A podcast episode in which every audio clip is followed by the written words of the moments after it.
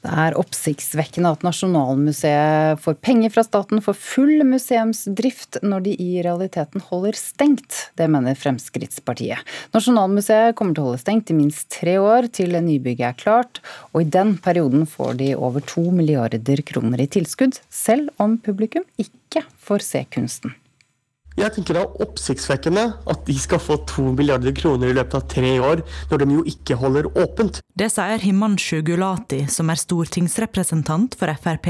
Han mener at de store overføringene til Nasjonalmuseet går utover andre institusjoner som allerede blør pga. koronakrisa. Jeg syns jo det er et slag i ansiktet til alle de kulturinstitusjonene og bedriftene som akkurat nå kjemper for hver eneste krone og å overleve, når de ser at Nasjonalmuseet for så mye penger uten at de driver engang. Ole Morten Fadnes, presseansvarlig for Nasjonalmuseet, vet at de er i en svært privilegert situasjon. Stortinget og norske politikere har vedtatt å bygge et nytt nasjonalmuseum som skal være en eh, visningsarena for kunst. Eh, et publikumstilbud i verdensklasse. Det følger det kostnader med det, som politikerne har bevilget til oss. Han mener at kritikken fra Gulati er feil, og at Nasjonalmuseet har gjort det de skulle for å få tilskudd. Vi har utstillinger på turné, vi har forberedt Venezia-binalen, og vi har uh, gjort andre aktiviteter og arrangement hele tida. Så det, vi uh, opp, gjør det vi skal, men vi gjør det ikke i den utstrekningen som vi burde.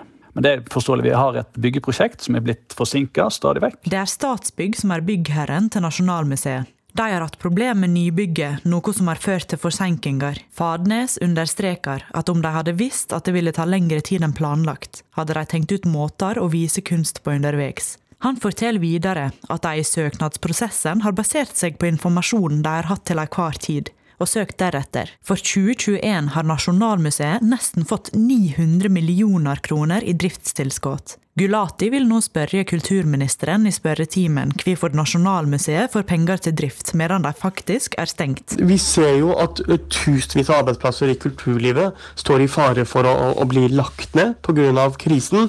Og da kan ikke Nasjonalmuseet forvente at de får akkurat samme sum med penger som de hadde fått dersom de faktisk var åpne i tre år. Det var reportere Emily Louisa Milland Eide og Oda Elise Svelstad som hadde sett på denne saken. Klokken var fem på tre 26.11.1942 da MS Donau la fra kai i Oslo med 532 norske jøder om bord, som ble sendt rett til nazistenes dødsleire. Og for å minnes jødene som eh, ble sendt til døden, det var bare ni som kom tilbake av disse 532, er det lagt ned snublesteiner utenfor husene der de bodde. Det har skjedd over hele verden. Og disse blir pusset hvert år i Norge på Donaudagen 26.11. Vi skal til Stavanger. Reporter Johan Mile Laugaland, kan du aller først fortelle for dem som ikke vet det, hvordan ser en sånn snublestein ut? Ja, en snublestein den eh, ser omtrent ut som en eh, vanlig eh, brostein, altså i, i størrelse. og så er, han, er, er det bronse, eller iallfall noe messing. Og så er inn, inn, inngravert i disse steinene så står det navnet på de jødene som bodde i husene i, ved siden av da, der altså disse brosteinene, eller snublesteinene, er lagt ned. Akkurat. Og hvordan hvordan skjer markeringen i dag? Ja, Det som skjer i dag eh, altså i, i, fjor så ble det tatt et eh, egentlig nokså spontant initiativ av eh, avismannen Sven Egil Omdal. Han mente at òg her i Norge så burde vi ta, også sette i gang denne tradisjonen som I Tyskland har de brukt 9.11, datoen for krystallnatten, til å pusse disse steinene som er lagt ned. For oss så er 26.11 en dyster dato, da Donau la fra kai i Oslo. Og fra og med i fjor så, så, har han da satt i gang dette pusseprosjektet. I, i, I, Norge så er det lagt ned 690 eh, av disse steinene, og i dag så kommer veldig mange av de til å skinne. Navnene kommer til å komme fram. Eh, jeg er på Storhaug i Stavanger, i helt vanlige boliggater, og her er steinene til Jakob og Jeanette Reichwald felt ned i asfalten. Vi har akkurat nå så ser vi Zalo-skummet som ligger rundt steinene. Litt singel er rekke, for vi har nå fått steinene fram. Og Kim Reffen Kim, Wim, Wim Kiermann, du er historielærer på Den internasjonale skolen i Stavanger. Og du håper at i dag så skal flest mulig av disse steinene fram i lyset. Hva er det som skjer rundt forbi de norske snublesteinene i løpet av dagen? Absolutt. Vi har laget et oversiktskart over hele Norge, hvor vi registrerer alle steiner som vi vet blir pusset i dag. Folk kan gå inn og, og legge en pinn sjøl eh, og uh, si hvilken stein de skal pusse. Og Jødisk museum i Oslo har delt det kartet, og så har også Sven Egil Omdal delt det på Facebook-siden. Vi håper at uh, så mange som mulig tar en liten tur i dag og pusser en stein, eller bare går og besøker en stein og, og minner uh, de menneskene som ligger der. Eh, det er mange jøder som eh, tror at eh, vi dør to ganger. Første gang når hjertet slutter å slå, og andre gang når folk slutter å si navnet vårt og slutter å minne oss. Så vi håper å bidra til at de, disse menneskene ikke, døde, ikke dør igjen, på en måte. Det er store minnesmerker for folkemordet holocaust. Disse steinene de er ganske små, gjør ikke så mye av seg, men likevel, disse enkeltpersonene og navnene som vi kan lese Eh, fødselsår og dødsdato eh, for eh, viktige for oss å holde historien levende?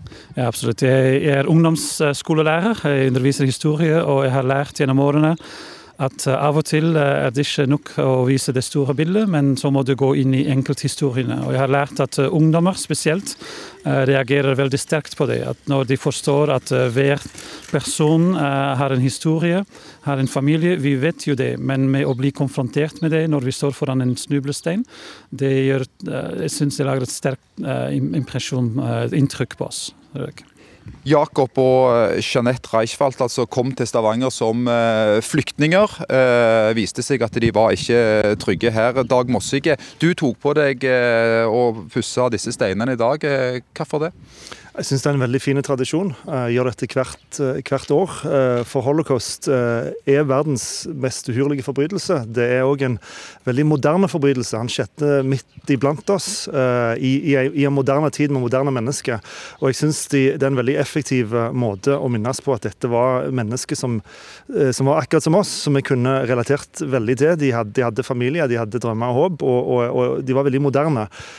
Holocaust skjedde jo i et svært moderne sivilisert samfunn. Eh, og, og, sånn sett er det jo ikke bare for å minne en forbrytelse, men òg for å rett og slett unngå eh, at, at, at det kan bygges opp noe hat som kan gjøre at dette kan skje igjen.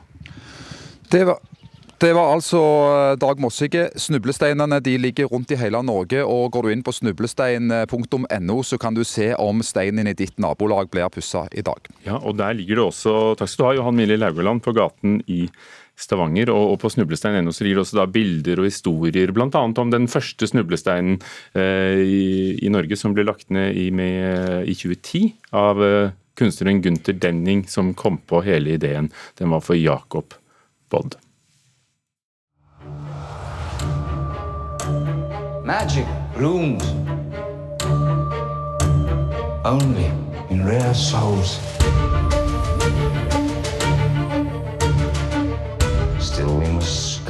Slik høres skuespiller Johnny Depp ut i rollen som Gellert Grindelwald i Fabeldyr-serien. Så langt har det kommet to filmer i serien der Depp altså har spilt skurken. Men tidligere i høst trakk han seg fra denne tredje filmen som etter planen for premiere i 2022. Og nå bekrefter filmselskapet at danske Mats Mikkelsen eh, overtar denne rollen. Kulturreporter Thomas Alverstein Ove, hvorfor skjer dette? Bakteppet er dessverre mer alvorlig enn eventyrfilmene eh, det handler om.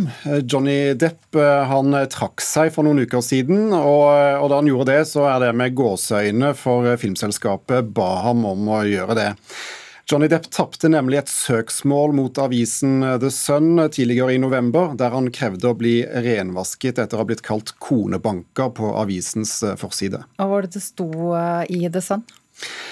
Den britiske avisen, eh, da skal vi tilbake til 2018. Da fikk de et intervju med hans eh, ekskone Amber Heard, der hun fortalte om eh, overgrep og rusmisbruk fra Johnny Depps side. Og The Sun stemplet da skuespilleren som konebanker. Han mener på sin side at det er en injurierende påstand, og gjennom tre uker i sommer så møtte han avisen i retten i London. For i Storbritannia så er det sånn at pressen må kunne dokumentere en slik eh, påstand.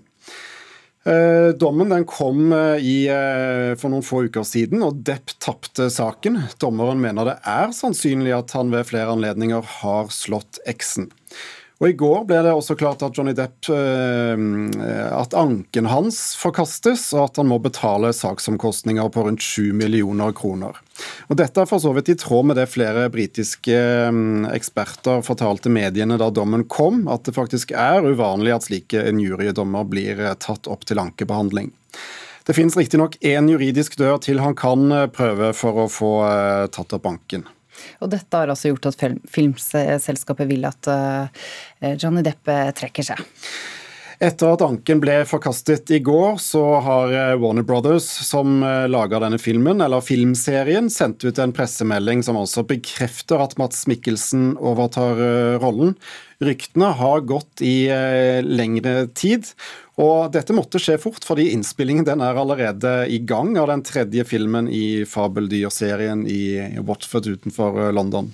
Takk, Thomas Olverstein Ove, kulturreporter. Cinema Paradiso ble en stor suksess. Den kom så lenge som eh, ja, 30 år siden, høsten 1989.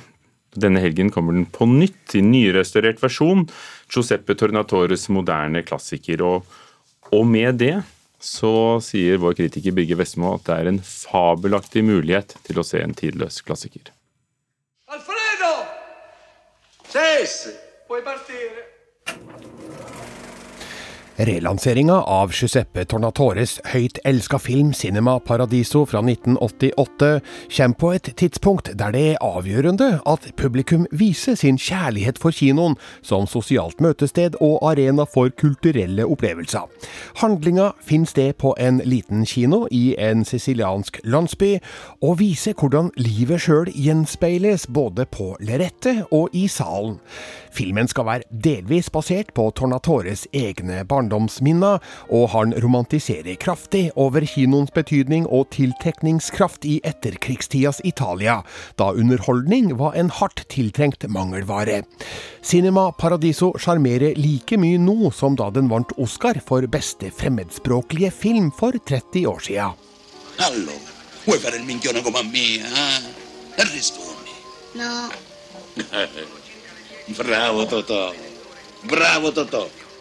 I Roma på midten av 1980-tallet får filmregissøren Salvatore Toto Di Vita, spilt av Jacques Perret, beskjed om at en gammel venn er død i hjembyen han ikke har besøkt på 30 år.